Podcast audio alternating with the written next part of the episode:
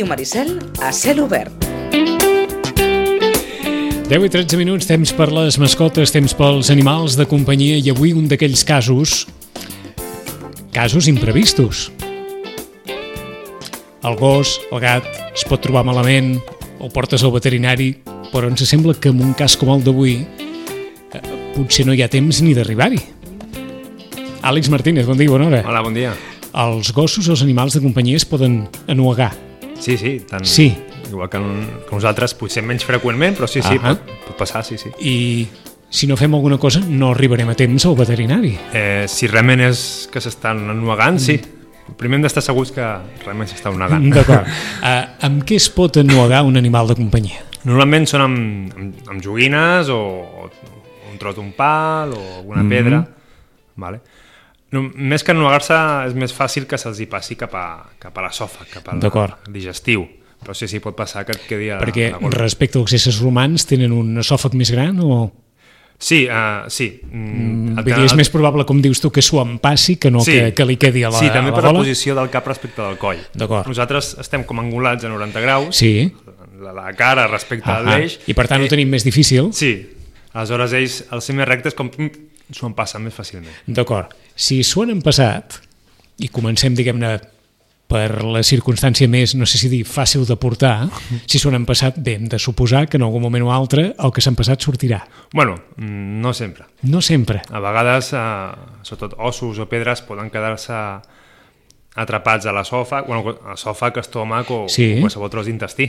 I, I això pot ser algú greu que requereixi una intervenció quirúrgica en alguns casos. Però això d'alguna forma, passa, eh? d'alguna forma ho trobarem o ho notarem perquè l'animal no estarà bé. Sí, o vomita, o no menja, però a posteriori. a no, és- posteriori, No és el eh? moment. D'acord. En el cas d'enuegar-se de debò, que li quedi un, un objecte a la gola, què, què passarà? Veurem que l'animal realment li costa respirar, fa esforços amb la boca oberta i inclús es torna d'un color blavós. Les mucoses, la boca, els ulls, tornen de color blavós perquè al no poder oxigenar bé la sang, la sang perd Mhm. oxigen i es queda més blava. D'acord. Aquí hem de córrer. És equiparable al que pot passar amb un nen petit? Sí, sí, seria el similar al per nen si petit. el, el símil és més o menys perquè igual. Tot va a la boca i... Ah Sí, sí. Per tant, què fer? Perquè sí que tenim més o menys clar què pot passar amb un nen petit, si s'enuega, i no sabem pas si amb un animal de companyia Sí. més o menys el procediment és semblant. Sí, però potser hi ha una diferència important, que el gos té dents i un nen petit No les té. Aleshores hem de vigilar amb nosaltres també, D'acord? a l'hora de posar les mans allà dintre. eh, Perquè el gos no es posarà, es posarà nerviós, Clar, estarà, òbviament. estarà molt, molt ansiós, Molt- molt, angoixat. Sí, sí, sí. Hem de vigilar primer per a la nostra seguretat. D'acord. Per tant, per on comencem? Primer, realment, assegurar-nos que s'està ennuegant, o sigui, que s'està ofegant. Amb això veurem, no tant que faci sorolls, de, Sí. sinó que el seu patró respiratori no és el normal. Hem de mirar com respira a nivell del, del cos, del tòrax. D'acord. Que s'expandeixi, que, que contraigui. Què, què, què ens farà donar-nos? En que respira amb ànsia, que respira... O que respira amb molt, molt d'ànsia o que veiem que el tòrax no s'expandeix, no, no està entrant aire dintre. Ho dic perquè, òbviament, no tindrem a l'especialista al costat No, no. Per, perquè ens pugui dir què està passant, no? Però, és a dir, podrem constatar que alguna cosa està passant, veure Veient- si respira... respira. D'acord. El primer que hem de fer aquí és intentar, ja dic, sempre posant de primeres la nostra seguretat. Intentar obrir la boca i mirar si hi ha alguna cosa que li estigui... Una, posa una pilota de tennis, per Sí. exemple, que s'hagi quedat allà encallada. Intentar-la treure... Suposo que seria el més, vaja, el més fàcil. Sí. Un objecte gran, Sí, que sí. és relativament, no sé si dir, senzill, Sí, a vegades queden enganxats amb les dents, Ja. però bueno, que veus que està allà i, i ho pots treure. treure-ho I ja està. i ja està. Sí. Si l'objecte no és tan gran, Si l'objecte no és tan gran i no el veiem, aquí sí que no hi ha més que, que córrer al veterinari. que corre al veterinari. Aleshores, has de... el veterinari el que farà serà tranquil·litzar l'animal, sedar-lo perquè respiri millor i, i obrir-li les vies aèries, ja sigui obrint la boca intentant treure això amb unes pinces o amb un Mhm. endoscopi o en moda d'urgència fer una traqueostomia, que és fer un forat a la tràquea perquè l'aire passi per allà. Igual que en persones, és, el del bolivic i tal, Sí, però clar, abans de fer qualsevol vaginada així, que- n'estàs segurs que, que que és això, eh? Uh, um, de quant de temps podem estar parlant? Quan un gos entra en una situació així, De pocs minuts. pocs minuts, eh? Sí, És sí. a dir, igual que les persones. Sí, sí, sí, és, és algo de, de córrer molt. També hem de, hem de tenir en compte que hi ha altres patologies o altres processos que poden semblar que el gos s'estigui ofegant. Per exemple. O el gat. Per exemple, un gat amb tos a vegades sembla que, es, sembla que es- s'ofegui. Fa uns moviments com i uns sorolls que sembla que s'estigui ofegant i no, realment és tos. Com aquelles persones que quan estosseguen donen aquella sensació Sí, que han de que- quedar esteses a, terra. tot, sí, sí. Sí? D'acord. Els gats són molt exagerats. Tant, Més que els gossos? Sí, sí, sí, Sí. és que a més fan, un, fan un soroll com que se'ls va l'ànima per la boca. D'acord. Però això és únicament tos. Això és tos. Clar, aquí veurem que l'animal té aquest moment de, com de crisi. Sí? En aquest moment sí que sembla que s'ofegui perquè està tossint i no està entrant aire. Però aleshores, quan es recupera, doncs torna a respirar d'una forma normal. Això vol dir que no hi ha res que estigui obstruint la via aèria. En el cas dels gossos, En el cas dels gossos hi ha un altre procés, bueno, també la tos, és, que és, és, un soroll diferent, i sembla més aviat que s'ofeguin, fan un... I és molt, molt, com pot ser molt continu. Vale? Això a vegades pot ser per un refredat, però aquesta tos eh, es pot donar a pensar o que s'han ennuegat amb alguna cosa. Sí. I moltes vegades amb multitud de consultes que, que tenen algo clavado, no? I realment és, és tos el que i té. realment és tos. Estiro Sí. d'aquest fil, perquè un... I, I ho dic de la manera més, més bàsica i banal, eh? Sí. Un, un refredat en un animal de companyia pot acabar portant també a una situació de d'impossibilitat de, de respiració, Sí, amb una sí. insuficiència d'algun tipus. Sí, sí, sí. Si es complica pot agafar una, acabar amb, amb una bronconeumonia. Sí, sí, igual que nosaltres. Sí. Un refredat mal, mal curat, no?, que diem, pot, Sí. pot tenir conseqüències greus. Passa molt poc. Realment és... Has de tenir ja setmanes l'animal que està fotut. Però, però sí, sí, pot arribar a complicar. En qualsevol cas, no cal confondre. Eh, vaja, ens sembla que queda ben clar que és una situació de manca de, de respiració, d'una situació que pot ser pròpia d'un refredat, Sí, no? sí, sí. sí. Hem de, sobretot hem de mirar el que comento, el, el patró respiratori de l'animal i el color de les, de les mucoses, uh -huh. de, la, de les genives, dels llavis i, de, i dels ulls. És més fàcil amb un animal petit o amb un animal gran Que s'ennueguin. que s'anueguin? Jo diria que és potser més animals grans, perquè són més, més brutots. Jugant això, un, un Doberman, per exemple, que comentàvem, Sí. un Rottweiler, un pastor alemany, amb, amb pilotes, un labrador, un golden, que són molt, són molt bèsties. Mm -hmm.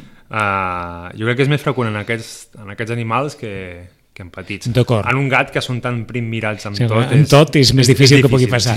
sí. És més fàcil que passi amb un gos eh, petit, amb un gos d'edat petita o amb un gos ja d'edat avançada? Amb un jovenet, que Amb són, un jovenet, són més eh? hiperactius. Que són més hiperactius. Sí, un, un gos veiet no estarà per... No estarà per, per jugar fer- i tal. Home, a vegades sí, eh? Ah. però, però el normal és que estiguin més tranquil·lets i no facin tantes bogeries. D'acord. Des del punt de vista de prevenció a la casa, quan es té un animal de companyia i es té un animal petit, cal seguir, no sé, una certa prevenció a l'hora de comprar determinats objectes o determinades coses o d'allunyar-los més o menys de la seva, de la seva vista o de la seva atenció? Hem de vigilar amb les coses que, que puguin trencar. O sigui, intentar evitar joguines que ells puguin trencar i que siguin d'una mida que ells es puguin empassar. Vindria a ser l'equivalent a, a, un- A un com nen petit a també, eh? Sí, sí. És a dir, joguines que no tinguin pequeñas piezas, no? Sí, que, que sí. Es, puguin, es puguin empassar i que siguin indestructibles. De fet, ja, ja hi ha productes de, per gossos que tenen garantia de I d'indestructibilitat. tant. I suposo que amb les qüestions més quotidianes, taps de suro, taps d'ampolla, Sí, tot, oli- tot això que pot rodar per una casa. Sí, sí, olives, pinyols d'olives. Pinyols Es- d'olives. Sí, en gats és freqüent que s'obstrueixin més a nivell digestiu, eh? amb Ahà. pinyols d'oliva, i en gossos és també bastant comú els pinyols de, de, del préssec. D'acord. Sí, sí, és algo que és curiós. I... Perquè de la mateixa manera que fa, fa una setmana amb el teu company parlàvem del, del menjar, Sí. del que se'ls ha de donar per menjar, com en les persones, un animal de companyia es pot ennuegar per haver menjat alguna cosa? Sí, sí, Sí. sí, sí, sí. O també passa, després d'una barbacoa d'un diumenge, pues, que ha agafat el que, el que ha pogut, on ha pogut, no? pues, no saps què és i és que té un problema. I a vegades ens trobem això, o un os encallat, o... D'acord. És bastant comú. Ens apuntàveu la maniobra de Heimlich. Sí, Què és això? la maniobra, la maniobra de Hemlich és fer un increment de pressió al pulmó perquè faci perquè el que tingui atascat de la tràquea surti disparat. Sí. Com a les persones. Sí. Ara, ara, no sé, qui s'agafa el gos per darrere? L'has d'agafar per, per a la zona de les costelles, on acaben les costelles, Sí. entre les tòrax i l'abdomen, és a dir... És a dir, el diafragma... El diafragma, sí, s'ha d'apretar el diafragma cap, a, cap a la cara del gos, diguéssim. Tot, Clar, la això, te- tot això tenint en compte que és un gos Sí, i tenint en compte que el gos estarà nerviós Sí. tenint en compte tot això. sí que s'està ofegant, que ho està passant fatal. D'acord. Dir, Una cosa és la teoria i l'altra és la pràctica. primera qüestió, Àlex. Si tenim dubtes o no en sabem, millor no fer-ho. Millor no fer-ho, perquè podem provocar lesions. podem fer un disbarat, eh? Sí, sí, podem... És a dir, s'ha de tenir molt clar què fer si és que algú vol practicar I la maniobra... has de tenir clar que té algú atascat a la tràquea. D'acord. Si no, no ho fem. Si no, no, eh? Bé, podem, podem produir ruptures de melsa, ruptures de, de fetge, que D'acord. És a dir, una podem, podem empitjorar el Sí, sí. problema i no pas resoldre'l. Sí, sí. És a dir, si algú sap com fer-ho o si algú creu que, que es veu capaç de fer-ho, aleshores es tracta de sota el diafragma, apretar, apretar cap endavant. Clar, no és el mateix un galgo que un bulldog. Eh, Per la, per la forma de... Està clar.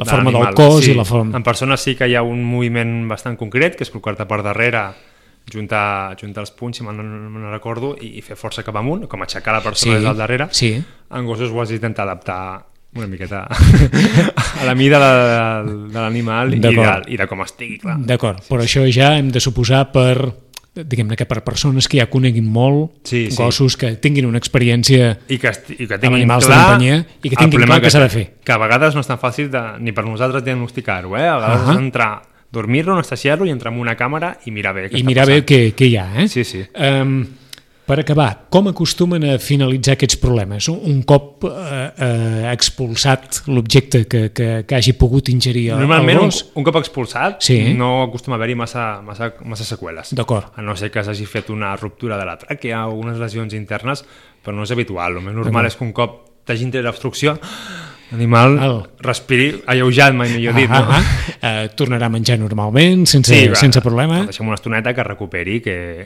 que, que agafi aire, que es tranquil·litzi i ja està. I no hauria d'haver-hi massa, massa conseqüències. Eh, I una més, els gossos aprenen d'aquestes experiències, Mm. d'aquestes situacions? En teoria sí, però són bastant residents, eh? Sí? sí. Sí, sí, són, són bastant residents. Aleshores hem de vigilar. D'acord. Sobretot animals que tenen tendència, per exemple, els, els retrievers, goldens o labradors, que tots s'ho mengen, o, o terriers, un bull terrier, i... Eh, es mengen un mitjó, Oh, qualsevol. l'has de treure el mitjó i al cap de 4 mesos ve perquè s'ha menjat eh, no sé, una pedra. Altra cosa. Sí, dir, amb això hem d'anar... Ho diem en gràcia perquè aquesta escena de- d'endur-se la roba, endur-se un Sí, mitjó, sí. tot el que sigui és un clàssic. Hi ha gossos que no els hi passa res, però hi Ja. ha alguns que, que, bueno, que, que els veus. Ah I si mengen un xiclet?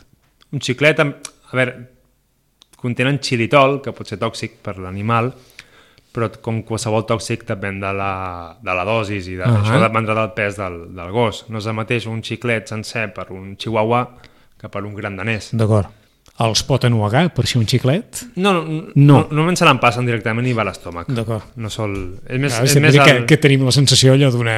No, és bona pregunta, eh? Sí. Però allò que, que, que s'ho mengen tot i no acostuma a passar mai res, Sí, sí. però poden passar moltes coses és més importants. a nivell eh? tòxic en si que no pas el, el fet de que s'ennuegui perquè quan un gos t'agafa alguna cosa el que fa és Sí. s'ho passa que Directament, directament. que, que no li treguis sí, sí, sí, el seu per, reflex aquella és ànsia de, de tenir-ho, no? sí, a dir, per mi, s'ho passen ràpidament D'acord. Aquesta és una de les sintomatologies que més tracteu?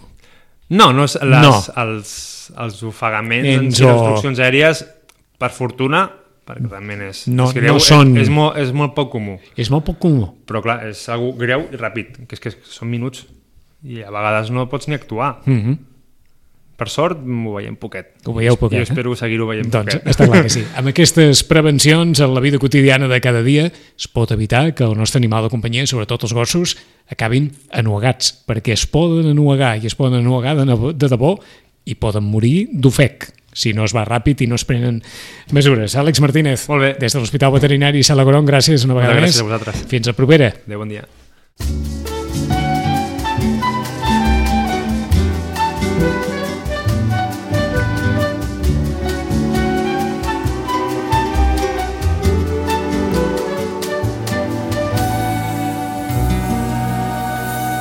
Ràdio Maricel, al 107.8 de la freqüència modulada.